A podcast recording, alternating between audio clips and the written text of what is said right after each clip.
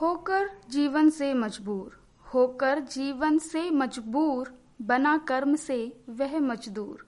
स्वाभिमान की रोटी लाने निकल गया वह घर से दूर। भीख मांगने से अच्छा है मेहनत की दो रोटी खाए। भीख मांगने से अच्छा है मेहनत की दो रोटी खाए। सही मार्ग पर चलकर क्यों ना पेट की प्यास बुझाई जाए। पर समाज के इज्जतदार लोगों से जब उसका पाला पड़ा पर समाज के इज्जतदार लोगों से जब उसका पाला पड़ा तो जाना उसने की इज़्ज़त शब्द का नहीं उन्होंने अर्थ पड़ा मुझसे भी जाहिल हैं, मुझसे भी जाहिल हैं ये पढ़े लिखे प्रतिष्ठित लोग। अब शब्दों से घायल कर मुझको कहते खुद को शिक्षित लोग। मॉल में जाकर खरीदारी कर मोल भाव नहीं करते लोग, लेकिन मेरे पास आते ही मुझसे भी गरीब बन जाते लोग।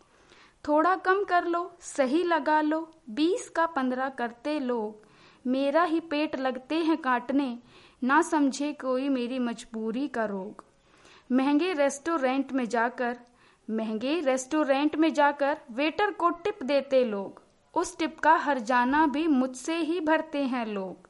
अरे भैया और रिक्शे वाले, हम रोज यहाँ से जाते हैं। तीस मत मांगो, बीस ही ले लो, कहकर वो इतराते हैं। अमीर तो क्या मध्यम वर्ग भी मेरा दुश्मन बन जाता है? उसकी बचत बैंक का पैसा भी मुझसे ही जाता है। उसकी बचत बैंक का पैसा भी मुझसे ही जाता है।